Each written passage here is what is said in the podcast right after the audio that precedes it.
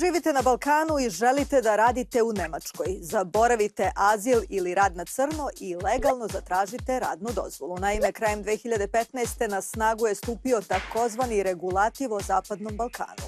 Šta on konkretno znači i ko je najviše profitirao?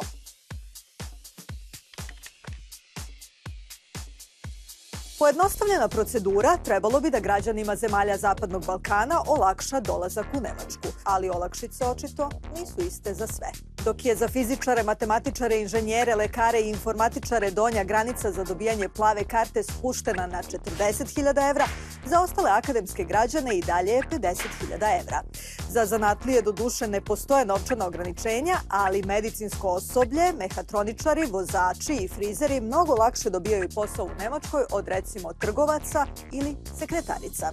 Adelina Šeholi, medicinska sestra iz Drača, pre godinu dana je došla u Nemačku.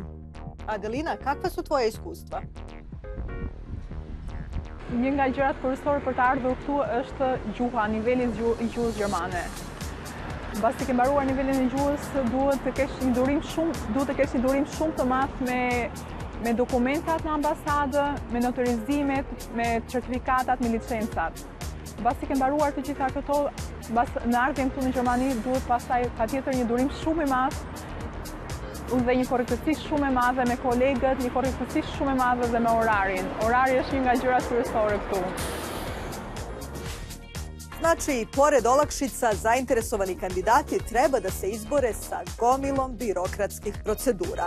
Ipak, 2017. se broj izdatih radnih dozvola povećao za 60%, no istovremeno je porastao i broj odbijenica. Do avgusta 2017. Savezna agencija za rad izdala je skoro 63.000 radnih dozvola i oko 17.500 odbijenica.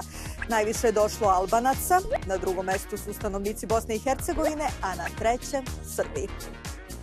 63.000 radnih dozvola zvuči puno, no s obzirom na to koliko Nemcima već danas nedostaje radne snage, to je jako malo i gotovo beznačajno.